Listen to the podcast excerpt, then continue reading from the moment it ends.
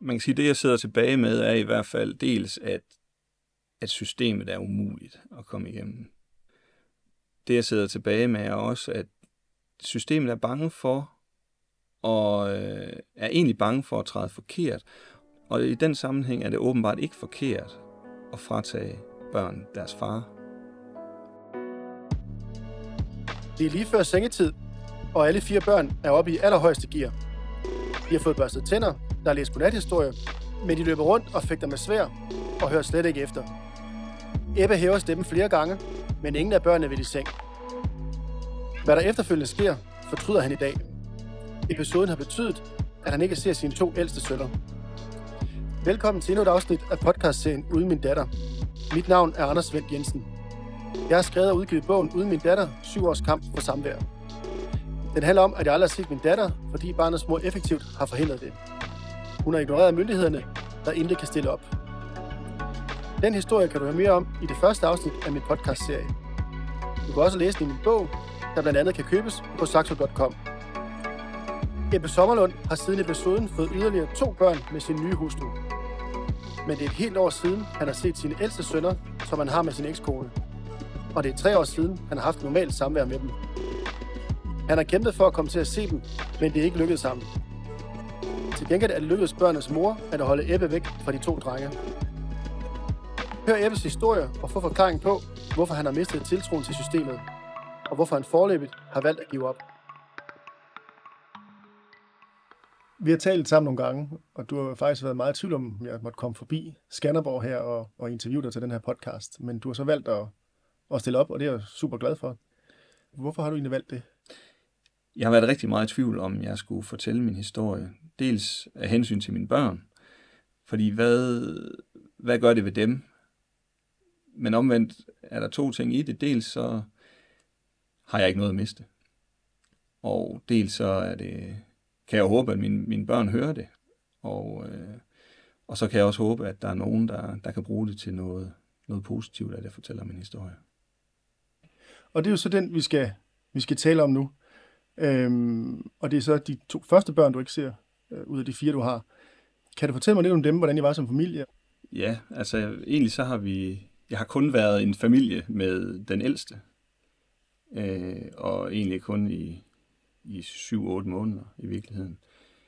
Så det er sådan, at den dag vi går fra hinanden, øh, min ekskone og jeg, eller den dag, hvor jeg egentlig, øh, vi har været fra hinanden lidt tid, og så skal vi have en snak om, hvordan situationen er, og, og den dag fortæller hun mig så, at hun er gravid med nummer to.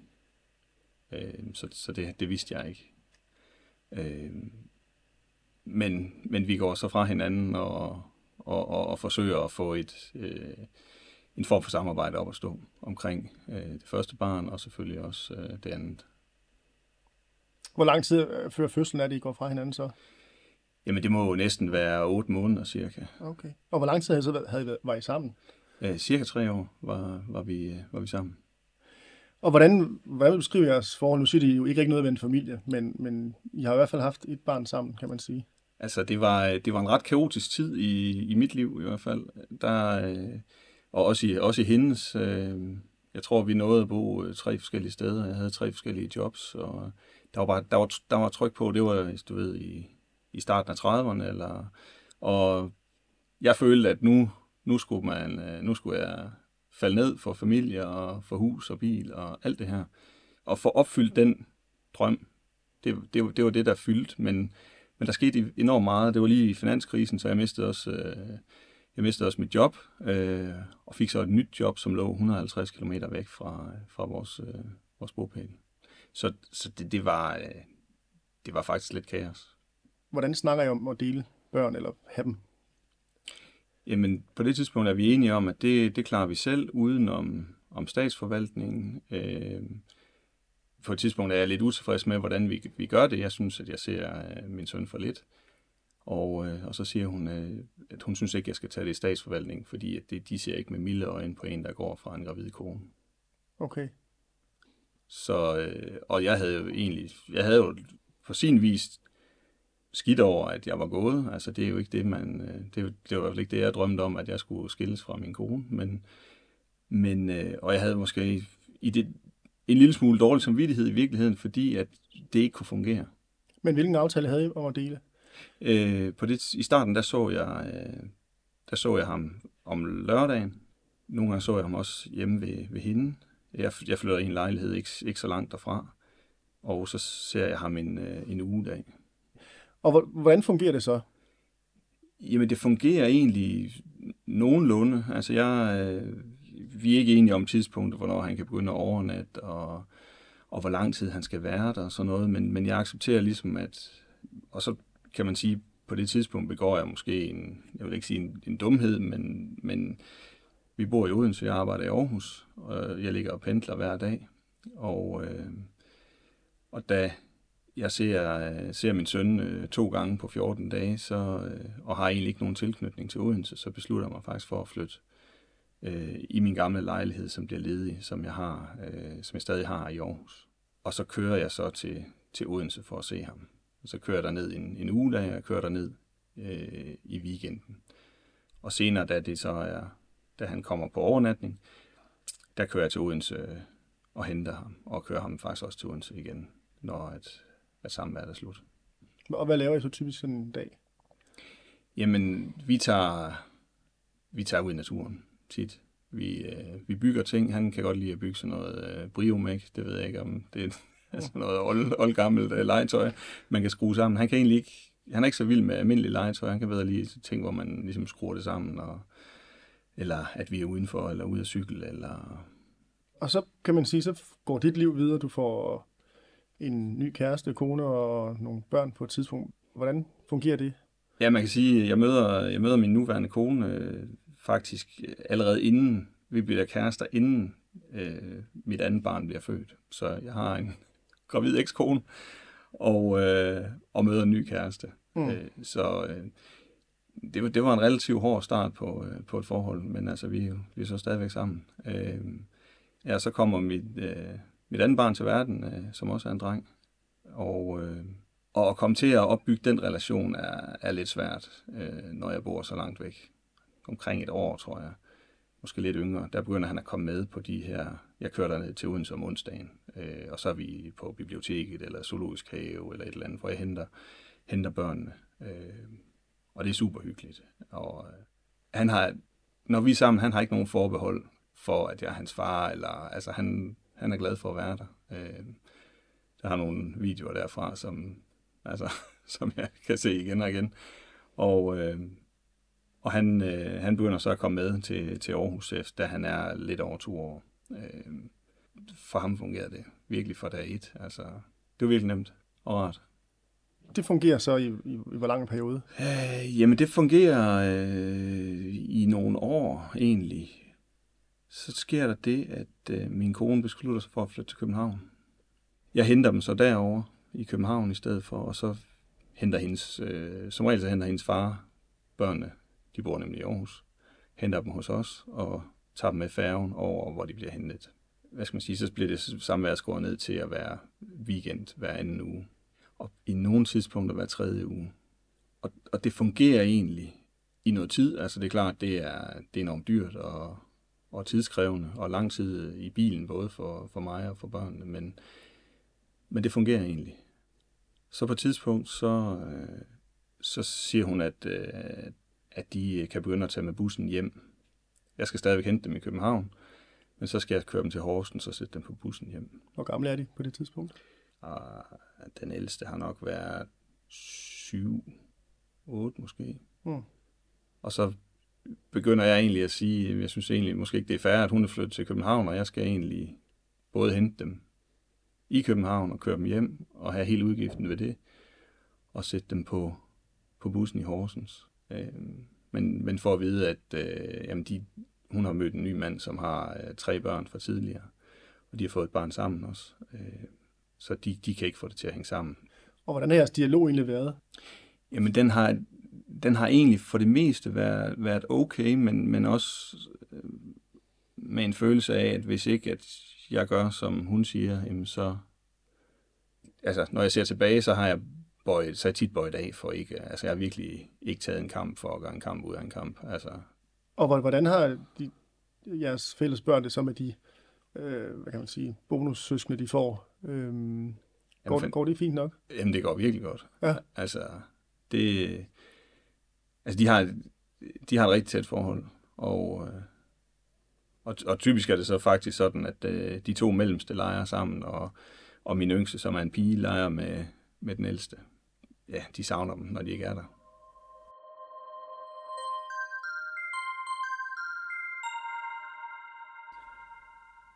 Hvorfor er det så, det egentlig stopper pludselig med, at- at du ser dine børn, dine ældste børn?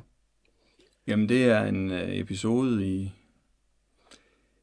Det må være april for tre år siden, hvor, øh, hvor de begge to er inde på, øh, på et af værelserne, og det er ved at være sengetid, og jeg læser altid for dem om aftenen. Og så står jeg med en jumbobog i hånden, og, øh, og, der er, og der er gang i den. Der er gang i den med sådan nogle skumsvær og lysvær, og, og jeg siger, nu, øh, nu skal de stoppe. Og øh, de stopper ikke, og så øh, siger lidt højere, at de skal stoppe, og så stopper to af dem. Øh, og øh, den ældste og den yngste kan, kan slet ikke forholde på det, og, og står og fægter med de her lyssvær, og så, og så dasker jeg til den ældste på skulderen med en jumbobog. Okay. Hvordan reagerer han? Han, han begynder at græde, og øh, siger, at jeg har slået ham. Og jeg tager ham så med ind i soveværelset lige for at snakke om det. Øh, men bliver egentlig afbrudt af, af hans øh, lillebror, som kommer og siger, øh, nu er du selv ude, om du kommer i fængsel, far. Og, øh, og der reagerer jeg, øh, set i bagspejlet, utroligt dumt, men jeg bliver enormt stolt af min søn. Hmm. Jeg tænker, okay, det er fandme sejt at stå op for sin storebror på den måde der. Og det tror jeg faktisk, jeg roser ham for. Og på den måde får vi måske egentlig ikke lige talt situationen ned, eller får ligesom forklaret, hvordan og, og hvad, hvad og hvorfor, og at øh, det var selvfølgelig øh, utroligt dumt at daske til ham. Det skulle jeg ikke have gjort. Men vi får den ikke rigtig parkeret. Og det er lørdag aften, og øh, de kommer i seng, og og næste morgen er sådan lidt kaotisk øh, med morgenmad, og de skal ud af døren og alt det her. Og, øh, og så får vi det heller ikke rigtig lige talt igennem. Og jeg, jeg tror, jeg vidste jo heller ikke, at måske at det, det ville, have, ville være så vigtigt at fortælle om, hvad der egentlig skete. Øh, og så om aftenen, der ringer min ekskone til mig. Kan du huske, hvordan de har det, da du afleverer dem? Ja, altså, jeg, jeg kan godt huske, jeg lægger mærke til om aftenen, at min, min anden ældste søn der, han, han virker, han grubler over noget. Han er øh, mere tilbageholden end normalt. Øh, og, jeg, og jeg ved ikke, om det er det, jeg finder ud af senere, at, øh, at min anden ældste søn har jo haft om vold i skolen lige op til øh, i den uge. Og, øh, og det, det vidste jeg ikke på det tidspunkt. Og det er selvfølgelig også derfor, han reagerer, som han gør. Fordi så, så, så ser man på, jamen sker det egentlig i min familie, det her? Så det var enormt uheldig timing, tænker jeg. Er det første gang, du har reag- reageret sådan, altså på den måde? Vi har helt sikkert haft øh, kontroverser før, og der har også været, hvor, hvor drengene har været op og slås, og jeg har skilt dem ad, og, og måske i den situation trukket den ene øh, lidt hårdere væk, end, end der måske er nødvendigt, eller hvad skal man sige, hvis... Men det er første gang, at det, det er sådan der. Og hvad er det så, du siger, så ringer din ekshustru om aftenen? Ja, og siger, at øh, børnene de kan ikke komme over til dig i lang tid. Altså hun vil ikke rigtig... Jo, der er selvfølgelig den episode, men hun siger også, der er også andre ting. Og jeg begynder sådan at grænske øh, min hjerne og tænke, hvad, hvad kan det være? Var det, var det dengang, at jeg hæv øh, den ældste væk fra den yngste, hvor han sidder ovenpå ham, øh, på hans hoved? Øh, altså, hvor jeg går sådan lidt i panik for, at den yngste ikke kan få luft. Og sådan, altså... Øh, og sådan andre episoder, hvor jeg måske har hævet stemmen, eller, øh, eller altså, hvor jeg blev for vred. Men hun kan ikke rigtig, øh, altså, det er værre end det, siger hun. Men man kan ikke rigtig, vil ikke sige noget. Jeg tager den egentlig på mig på det tidspunkt, altså tænker jeg, jamen det er fandme også for dårligt af mig. Altså, jeg er også en dårlig far. Altså, jeg bliver sådan, jeg vil egentlig gøre hvad som helst for, for at, at, at komme tilbage til normalen på det tidspunkt. Ikke? Men, øh, men det bliver ikke rigtig normalt igen.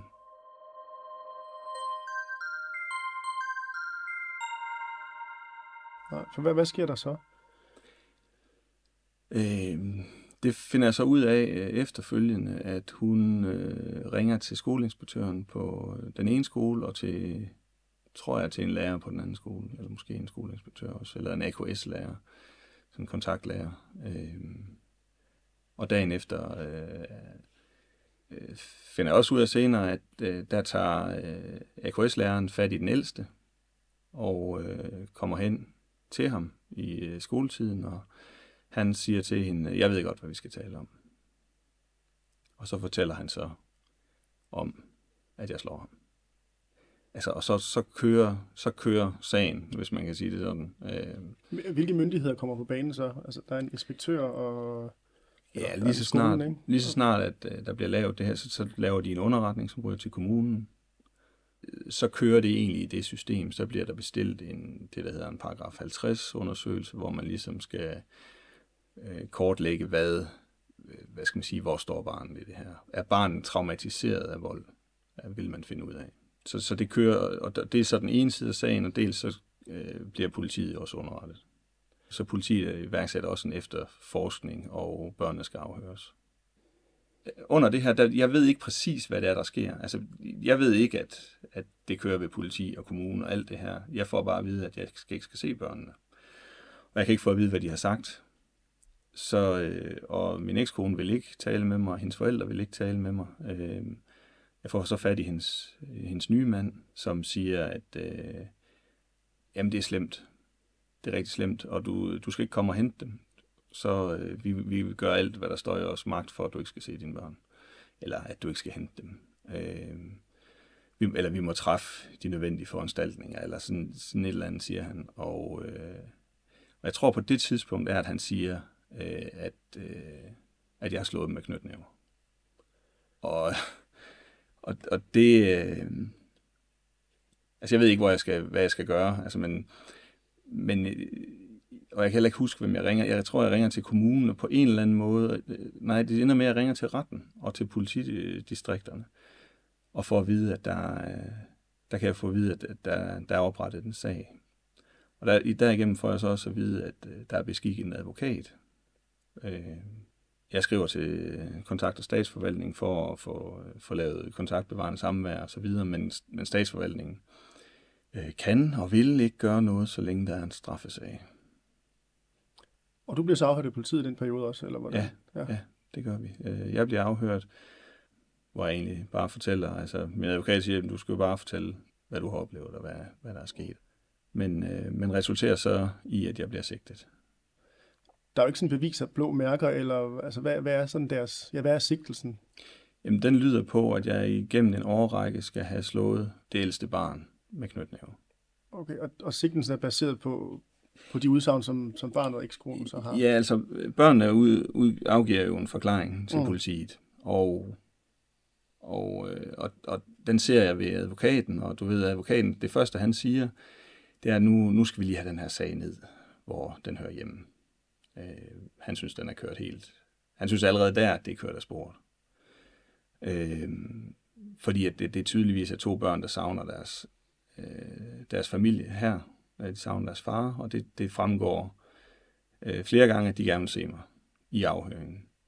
Og, og det, der er specielt ved afhøringen, er jo faktisk, at den jo på en eller anden måde fylder noget i det efterfølgende sagsforløb, eller sagsforløb og alligevel ikke gør, fordi at der er ikke ret mange, der ser afhøringen og den er ikke sådan offentligt tilgængelig, eller den er ikke tilgængelig i systemerne. Det er politiets. Øh, og jeg ser den jo så, og første gang jeg ser den, sidder jeg og tænker, det er nogle dejlige børn. Troværdige, søde, dejlige børn, der fortæller en historie, og det lyder ikke rart. Så jeg på den ene side, du ved, jeg synes, de virker troværdige, men jeg ved jo samtidig, at jeg har ikke, jeg har ikke øh, gået og slået med knytnæver. Og, og og faktisk skal jeg selv se den tre gange, før jeg ligesom som begynder at kan se, altså, hvad det er, der ikke hænger sammen. Der er ingen konkrete eksempler på, hvad der er sket, udover at jeg har, har slået ham på skulderen med jumbobogen. Det andet er sådan, den ene siger, at øh, jeg slår ham fire gange hver weekend. Og, øh, og den anden siger, da han bliver spurgt ind til det, at jeg slår den ældste fem gange om dagen. Og hvorfor siger de det? Altså, jeg har en teori. Børn vil gerne have opmærksomhed fra deres forældre. Og man kan sige, at han får en, han får en lillebror, da han selv er halvanden år. Ikke? Øh, forældrene går fra hinanden. Øh, jeg får, øh, får to børn. Altså, min tredje søn er, er kun halvandet år ældre end, eller yngre end, øh, end nummer to. Ikke? Og, og min datter er så, øh, kommer så to og et halvt år efter. I den familie, de bor i til hverdag, er der tre andre, tre andre børn, der kommer ind, plus at de får en, en sammen. Der, der kan altså være op til seks børn. Så jeg tænker, øh, da han kommer hjem og fortæller, at han er blevet slået med en jumbo så får han en masse opmærksomhed. Masse, øh, han får lov til at og, og hvad skal man sige, få det, han, han drømmer om, altså opmærksomhed fra sin mor. Og jeg, jeg kan jo ikke sige, hvordan det fungerer i deres familie, men det er bare min teori, at altså, han får lov til at komme med på arbejde og få iPad'en med, og der følger en masse gode ting med det. Så, så måske er måske er det, hvad skal man sige, er det belejligt, at der, der er sket mere end det, ikke? Men tror det er noget, han selv har fundet på, eller noget, han er blevet fortalt, han skulle sige? Jeg tror ikke, at han er blevet instrueret. Nej, altså, øh, jeg tror, det er en, øh, en fjer, der er blevet til fem høns, men det, ja. jeg har ikke fået afmonteret en situation, som så eskalerer. Øh, så, så man kan sige, jeg føler også meget ansvar, ligger på mig. Altså også, at jeg har også skæld, jeg har, jeg har skældt den ældste for meget ud. Øh, også i situationer, hvor ting ikke var hans skyld. Eller, så man kan sige, jeg har ikke været så opmærksom en forælder, som jeg burde være. Altså, men, men noget af det, der ligesom går ondt i det her, det er, at jeg bliver hele tiden konfronteret med i, i det videre sagsforløb, at jeg ikke vil, jeg vil ikke tage ansvar for mine handlinger, jeg vil ikke sige undskyld, jeg vil ikke jamen, påtage mig ansvar. Men det gør jeg, at allerede, det aller, aller første møde, jeg har med børnene efter, er det dokumenteret, at jeg siger undskyld for det. Øh, og jeg påtager mig ansvaret for, at han er blevet bange for mig. Og at øh, det er ikke okay at blive så vred. Men det stikker bare helt af, hvor mange der bliver indblandet fra nu af, fra det tidspunkt. Øh, jeg, jeg har talt over 20 offentlige personer, der bliver indblandet efter det her.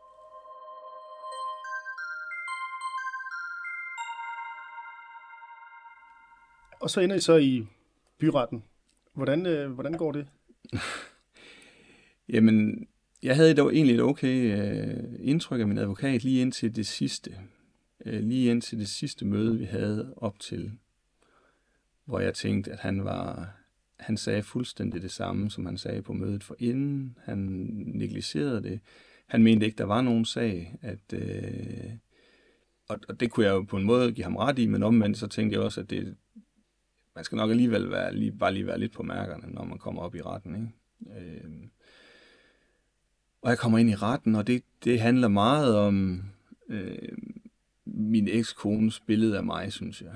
Øh, man ser selvfølgelig børnenes afhøring, og jeg synes egentlig, at, at anklagerens fremlæggelse af sagen, der er nogle ting, som, øh, som, ikke, som man kunne gribe fat i, som faktisk ikke var rigtige. Men min advokat under proceduren læser han bare op af et stykke papir. Altså, jeg, det er lige før, jeg tror, han ikke engang selv har skrevet det. Øh, han tager ikke fat i noget af det, anklageren har sagt under sin procedure.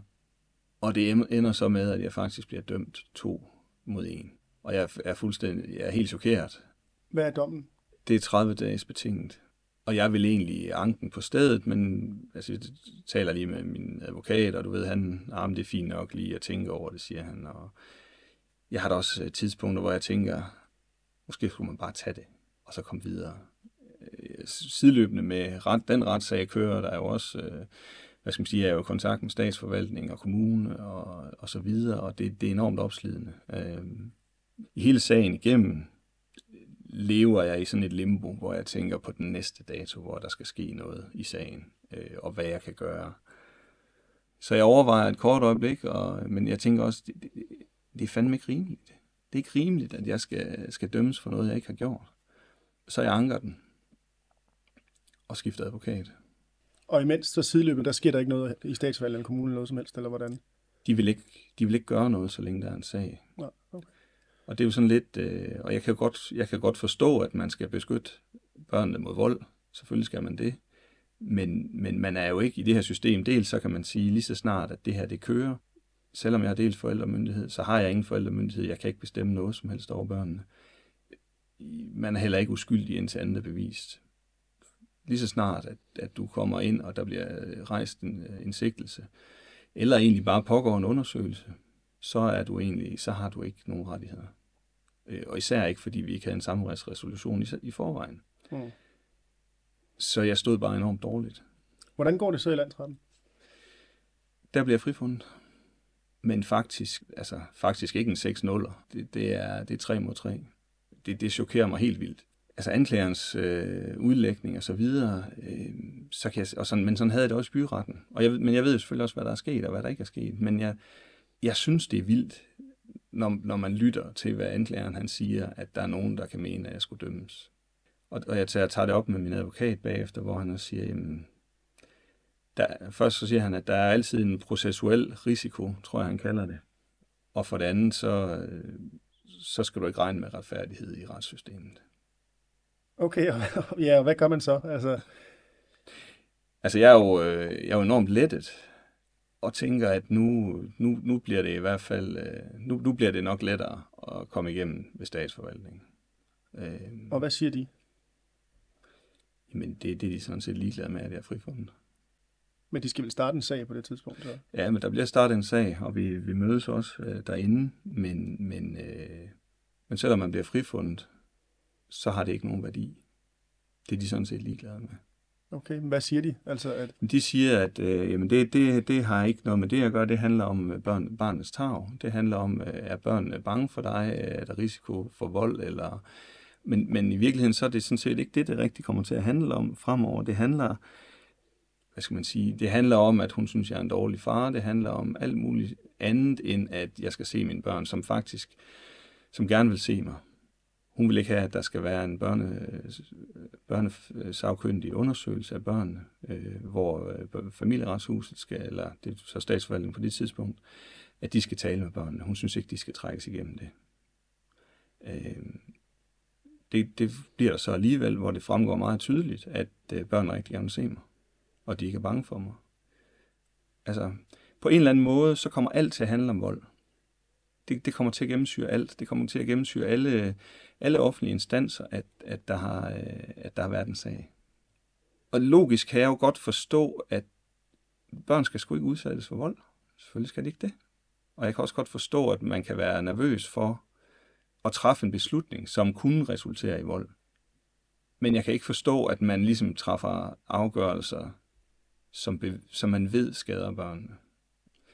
Og jeg får en sagsbehandler, som, som jeg føler er meget grøn, hvor, hvor den børnesagkyndige træder ind over, eller nogle gange, du ved, hun bliver nødt til at, det er jo sagsbehandleren, der skal styre et møde, men hun kan ikke styre det. Øh, og den børnesagkyndige kommer ind, og ligesom prøver at male mellem mig og min ekskone, og ligesom, altså, tale børnenes sag. Men, men sagsbehandleren skal hele tiden have min ekskones accept af, at vi gør noget. Så det kører over nogle gange, og der bliver etableret overvåget samvær, for at man ligesom kan se, jamen kan jeg finde ud af at være sammen med mine børn. Og man kan sige, sideløbende med det her, øh, bliver jeg egentlig lovet, at der kommer et, øh, et forløb øh, at, i kommunen, en handlingsplan. Øh, min ældste søn, søn får noget støtte, fordi han reagerer voldsomt på, på adskillelsen, at han ikke må se mig og han skifter, må skifte skole undervejs. Øh, det ender faktisk, at han skifter faktisk skole to gange. Og du ved, der, der er sådan også øh, undersøgelser i det her, som, hvor at, øh, en fra kommunen spørger den ældste søn, hvad han, han skal sådan rangere ting, hvad han kan lide og hvad han ikke øh, så godt kan lide. Så det han bedst kan lide, altså på den højeste placering, det er at spise raclette og være sammen med sin far. Og på tredje pladsen er det at være derhjemme det er sådan nogle, altså de her ting, de, de går ligesom igen i, når der er nogen øh, fra statsforvaltningen eller fra kommunen, der ligesom taler med børnene, så giver de meget stærkt udtryk for, at de gerne vil se mig, og at, øh, og at de vil gerne se mig snart. Men øh, det, det vil min ekskone ikke være med til.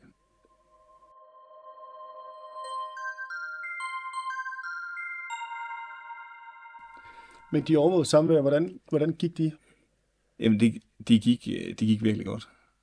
Jeg tænkte sådan her, at selvfølgelig er overvåget samvær ikke det, jeg ønsker. Jeg ønsker, at vi skal tilbage til normalt samvær, men, men det gode ved overvåget samvær er jo i hvert fald, at så er der jo i hvert fald beviser for, at jeg ikke gør mine børn noget. Altså, ja. så, så kan man sige, så risikerer man i hvert fald ikke øh, den del. Og hvor mange af dem havde du? Jamen, jeg tror, der var syv til at starte med i, i den første pakke. Øh, men og så, hvordan led evalueringen så af dem? Øh, jamen, her er den første. Det er sådan en rapport. Ud fra en samlet betragtning af samværende mellem Ebbe og de to drenge er forløbet godt. Begge drenge har været glade for at se deres far. De har begge søgt, søgt den tætte kontakt med ham, og de har begge virket trygge i ved at være sammen med ham. Øh, den ældste har et par gange haft lidt svært ved at skulle ind i lokalet, hvor samværet skulle finde sted, men efter ganske kort tid er han gået ind og har deltaget i samværet. Ebbe har i den anledning givet plads til, at den ældste kunne deltage, når han var parat, og Ebbe har holdt øje med ham. Der ses en god og gensidig kontakt mellem drengene og deres far. Der ses ved alle samværen, der er fælles opmærksomhed, og at de alle tre deltager aktivt i det, de beslutter, de vil lave sammen. Drengene virker glade for at se deres far, de hopper begge op i favnen på ham, når de skal sige farvel. Det har ikke været nødvendigt med støtte. Der står øh, så også, at øh, ved afhentning og aflevering virker min ekskone noget irriteret og afvisende, samtidig med, at hun gerne vil drøfte aspekter af sagen, også når drengene er til stede. Men, men det bør jo gøre din ekskone glad, at børn har det godt med deres far. Nej, fordi øh, hun kan slet ikke genkende, at de har er glade. Efter, før og efter samværende reagerer de voldsomt, siger hun. Okay. Hvor jeg, så, altså, hvor jeg siger, men det gør jeg også. Jeg reagerer også op til, at vi har et overvåget samvær. Jeg er enormt nervøs for, tænk hvis halvanden time vi har på en måned, det er det vi har. Hvis det går skidt, hvis det er en dag, hvis det er en dårlig dag, Altså, ja. hvis de har haft en dårlig dag i skolen for inden, hvis de er i dårlig humør, hvis ikke de har lyst til, altså, øh, det er et meget, meget lille tidsrum af en måned, som bare skal gå godt, øh, og det kommer til at stå en rapport. Så jeg er vildt nervøs op til. Øh, og bagefter er jeg, jo, er jeg jo også ramt af et kæmpe savn til mine drenge. Ikke? Øh, vi har lige haft halvanden time, et vindue, hvor vi kan være sammen, og du ved, altså, der er godt nok en anden til stede i rummet, men man elsker, man elsker hende ikke. Altså, jeg var sammen med mine børn, og det er dejligt. Øh, jeg savnede dem en hel måned, og så, ja. Og når det er slut, så er jeg, så er jeg, så er jeg ked af situationen. Øh, fordi, altså, man bliver, i den situation bliver man jo virkelig mindet om, hvad man går glip af. Og, og det tænker jeg egentlig også er det samme for børnene at det er svært. Det er svært, at deres forældre ikke kan tale sammen. Det er svært, at, øh, at der har været en masse ballade. Øh, og, og det er jo selvfølgelig ikke en normal situation for nogen, at de skal køre, køre ind i et kontor, en kontorbygning i København og være sammen med deres forældre. Det, det ved børn godt.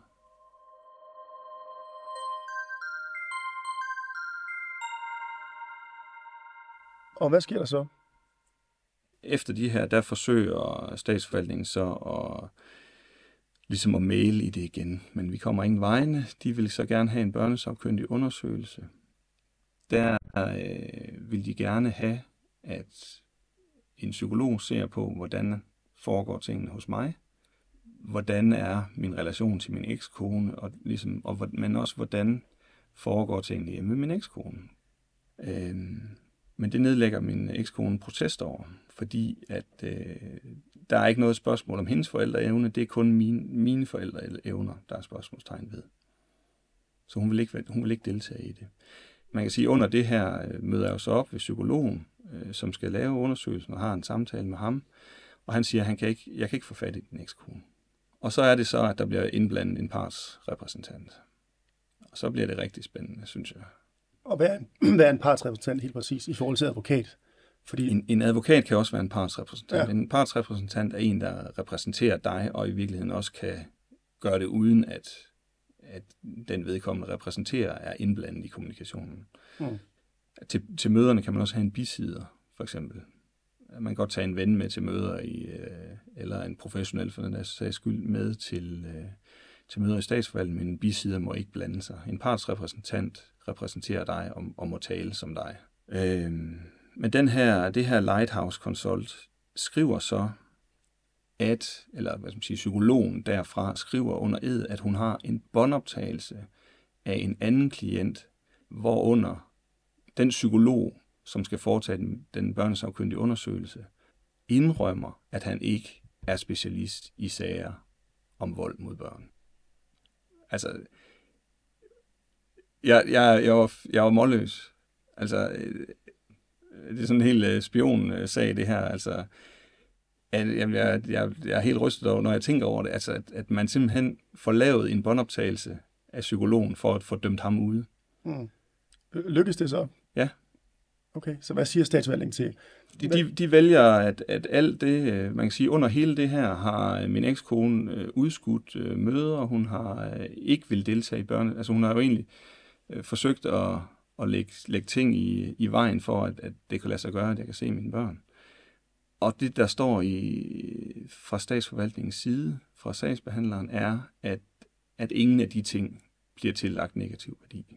At hun, øh, at hun ikke er, hvad skal man sige, at hun har, har meldt afbud til møder, man egentlig ikke kan melde afbud til, og så videre. At hun øh, modsætter sig en form for, for, for samarbejde. Hvorfor er hun blevet så stålsat? Mangel på kommunikation er mit bud.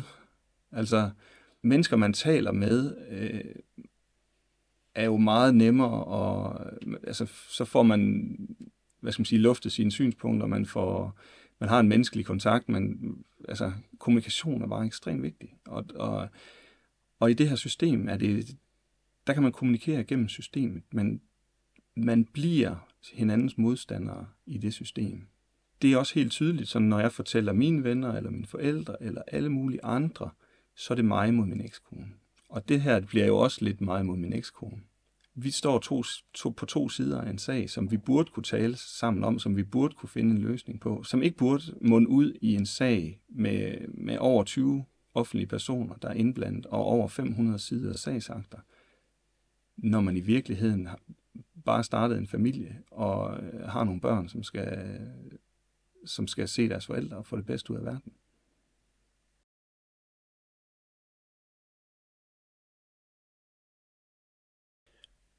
Og hvad sker der så videre i sagen nu? Altså, du har nogle overvåget samvær, og... Så, øh, så kaster øh, statsforvaltningen håndklædet i ringen og siger, vi kan ikke løse det her. Men de kaster håndklædet i ringen, fordi hun ikke vil være med til undersøgelsen? Det ja, sådan, det var. ja, ja. De, de siger, de kan ikke... Øh, altså, som min, min advokat sagde først, jamen, en ordentlig sagsbehandler vil sige, jamen, øh, du er frikendt, børnene vil gerne se dig, de er ikke bange for dig. Du skal se dine børn, som du gerne vil, som de gerne vil. Og det er ikke et spørgsmål om, om der skal være samvær, det er et spørgsmål om, hvordan der skal være samvær. Min retsfølelse er, siger mig, at, at selvfølgelig skal der være samvær, der skal jo ikke være nogen restriktioner. Egentlig, altså, jeg har frifundet, og, øh, og vil mine børn det bedste, og, de, altså, og jeg synes, det er dokumenteret, at øh, der er ikke noget, der står i vejen, eller til hinder for det. Men, men statsforvaltningen træder ikke i karakter og siger, at der skal være samvær. De, de øh, giver op, fordi at øh, min ekskone ikke vil samarbejde. Og det er sådan, den, den oplevelse, jeg har haft under det hele, det er, jamen, og du ved, man får at vide, at det er en højkonfliktsag. Og det er det også, men det er kun en, der skaber konflikten. Jeg er gået med til alle krav, der er kommet fra øh, familieretshuset. Jeg har stillet op til alle møder. Jeg har kørt, øh, jeg har kørt til København hver eneste gang, øh, selvom jeg bor i Jylland. Men, men kommer ingen vejen. Så, og øh, familieretshuset giver op og siger, at det, det kan de ikke løse, det skal ind i retten. Så I kommer i retten igen? Ja, og der er jo så, der, der er ventetiden. Der bliver så øh, lavet nogle, øh, der fortsætter de øh, overvåget samvær, de bliver så til det, man kalder støttet samvær i stedet for, og det sker et, et andet sted, end, det sker i noget, der hedder familieprojektet, som, fordi så kan det blive i weekenden. Nu når I skal i, i byretten igen, hvor, hvor gamle er børnene her, og hvor, hvor er vi henne til tids? Jamen det er jo været to og et halvt år efter cirka, at øh, sådan det normale samvær er blevet afbrudt. Okay. Og det er i 2019, I skal i byretten? Det ender faktisk med at blive i 20, fordi min øh, ekskones advokats kalender er jo naturligvis øh, stopfyldt. Yes. Og hvordan går det? Det går forfærdeligt. Det går helt forfærdeligt. Altså, min advokat siger, det gik godt. Du fremstår som en, øh, en helt normal, øh, troværdig øh, familiefar, der gerne vil dine børn. Og jeg kan godt høre, at det er meget af det, din ekskone siger, det ikke er rigtigt. Men jeg mister øh, familie, jeg mister min forældremyndighed, og jeg mister øh, ret til kontakt. Med hvilken begrundelse? De mener, det er bedst for børnene. Man kan sige, at det der omdrejningspunktet i deres begrundelse, og, og som egentlig har været det hele tiden, det er, at børnene reagerer voldsomt på samvær man kan sige, det, det der ligesom er omdrejningspunkt, det er, at min ekskone siger, at børnene har brug for ro. Det, det, det, det er mantra, der kører igennem det hele. Den ældste, han bliver ked af det, når vi har haft kontakt, og hvor jeg siger, det forstår jeg godt. At blive konfronteret med, med et savn og med et sår og med en sorg, og øh, det er ikke sjovt. Op til retssagen siger øh, min, min ekskone og hendes advokat, de vil slet ikke have, at øh, de taler med børnene. Retten skal ikke tale med børnene. Det er belyst, mener de, at, øh, børnene, at det er skadeligt for børnene at se mig. Øh, og da det kommer til dagen, er det så, vil den ældste, han vil ikke tale med nogen øh, i retten, altså den børnesafkyndige, men det vil nummer to godt. Fra den første gang, han taler med en børnesafkyndig til den anden gang. Første gang vil han rigtig gerne se sin far, og så videre. Og når jeg læser den anden gang, så kan man godt se, at han har givet op. Han tror ikke på, at han kommer til at se mig. Han siger der i, at han, at han håber, at han kan se sine søskende. Hvilket jeg også har spurgt min ekskone om, de i det mindste kan ses. Men jeg får ikke noget svar på det. Jeg får ikke svar på, om, om det kan lade sig gøre, hvilket jo selvfølgelig betyder, at det kan det ikke. Men, men øh, jeg kan se, at, at han resignerer, at han øh, siger, at øh, han vil godt se sin far måske om lang tid. Nej, eller måske om noget tid. Og man kan ikke, jeg tror heller ikke, man kan selvfølgelig ikke forvente, at retten kan gennemskue alt i 500 sider sag. Altså, jeg mister selv overblikket, men jeg forstår ikke, at man ikke kan skære ind til kernen og sige, at børn skal se deres forældre når jeg alligevel reflekterer over, at jeg har mistet kontakten og så videre, og min ekskone får det, hun har bedt om, nemlig ro til børnene, så lige nu, at selvom at jeg savner mine børn virkelig meget, så, så giver det jo selvfølgelig også mig en ro, fordi når man er i den, det system, hvor man skal forholde sig til kommuner, til statsforvaltning, til advokater, til psykologer, til, til alle de mennesker, som er indblandet i en sag, og som som trækker i en eller anden retning, så lever man på den næste dato. Man lever, næste, man lever for næste gang. Man alt i mit hoved for, forbereder næste gang, vi skal ses og mødes og tale om, om børnene skal se mig eller ikke skal se mig. Hvis jeg havde vundet i gåsøjen, hvilket jeg ikke vil anse som en sejr, og beholdt min forældremyndighed og retten til samvær, så ville min ekskone have anket og så skulle vi sidde, så skulle vi kæmpe igen, og så kørte trummen en gang til.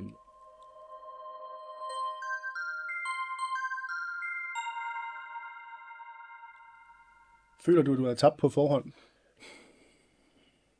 Nej, det følte jeg ikke. Men, det, men når jeg tænker tilbage, så har jeg aldrig haft en chance. Altså, i mit tilfælde levede jeg på min ekskones nåde i forhold til at se mine børn på en eller anden måde. Ikke? Øh, og sådan har det også været i det her system.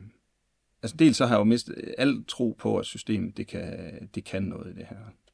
Altså jeg har ingen tiltro til, til nogen i, i retssystemet, i familieretshuset eller, eller noget. Lige så snart, at din bopælsforældre vil kaste grus i maskineriet, så er det muligt. Fordi bopælsforældrene har alle trumfer. Og den kamp om børn er jo skadelig for alle, både for mig og for børnene og for min ekskone og vores familie. Og, øh... Men hvis man skal kigge på systemet, hvad, hvad kan gøres anderledes? Altså hvad kunne være gjort anderledes i din sag og, og, og fremadrettet for andre, der, der desværre ender i sådan en situation? Hmm. Det, det, det, jeg tænker, der er den, den optimale løsning, og eneste løsning er, er ikke, tænker jeg ikke er gangbar, men man burde simpelthen stille krav om, at forældrene selv fandt ud af det. Man burde gøre ligesom når at, øh, der er trepartsforhandlinger. Så sidder man i et lokale, måske med et par bisider, og så forhandler man. Eller der skal være en mailer, som ligesom forhandler. Øh, sådan at man selv finder ud af det. Fordi den her med, at man kan lægge det hele over på myndigheder, dels er det jo, øh, altså jeg tør ikke tænke på, hvad det her det har kostet. Både i offentlige ansattes tid, men men der også i, i bekymringer fra både min og sådan set også fra min ekskone, i stedet for at vi fandt en løsning. Det her, det er skadeligt for mine børn. Det er slet ikke tvivl om. Det er statsautoriseret fartyveri. Det, det, jeg forstår ikke, at man kan komme dertil, at det skulle være det bedste. Derfor kan jeg sige, at du har slået din søn med en jumbo mm. øhm, og nu har du så ikke set ham i over et år. Hvad, hvad synes du om, om den straf i forhold til, til din handling? Jamen, det er jo helt, helt helt ude af proportioner. Det er en ekstremt hård straf at undvære sine børn. Det er et enormt stort savn. Men hvis man ytrer sig om, at det er hårdt for en selv, så er der altid fem, der siger, du skal kun tænke på børnene. Det er kun børnene, det drejer sig om. Så man kan heller ikke gå nogen steder hen med det savn og den uretfærdighed, fordi det er kun børnene, det handler, handler om. Og jeg er enig i, at børnene er vigtigst. Det overgreb, eller hvad man skal sige, der bliver begået mod dem ved at fratage dem deres far, er enormt stort. Men min retssikkerhed er fuldstændig væk, jo. Jeg har frataget min forældremyndighed, og selvom jeg er frifundet i retten, så er jeg, så er jeg dømt skyldig. Er du bitter over, hvordan det er gået? Jeg prøver at lade være. Der er mange, der er enormt medfølende med mig, og egentlig gerne vil støtte mig, og øh, gerne vil trække fronterne mellem mig og min ekskone op, men det er jeg egentlig ikke interesseret i. Fordi det er egentlig ikke det, det handler om. Det er det, det, er det der står forrest. Men, men det vigtige er jo, at, at mine børn har det godt. Og jeg håber bare, at de en dag kan tage kontakt til mig, fordi jeg kan ikke komme igennem. Nej, så du tager, tænker ikke, at du tager sagen op igen om et år eller to? Nej, for jeg har ikke nogen, jeg har ikke nogen tiltro til, at systemet øh, kan hjælpe mig. Øh, og så øh, kan man sige, øh, jeg, jeg kan sagtens findes på nettet, og så håber jeg, at mine børn de, øh, tager kontakt til mig på et tidspunkt, så, øh, så mit, mit hjem og min arme er åben. Altså, jeg, jeg vil gerne se dem.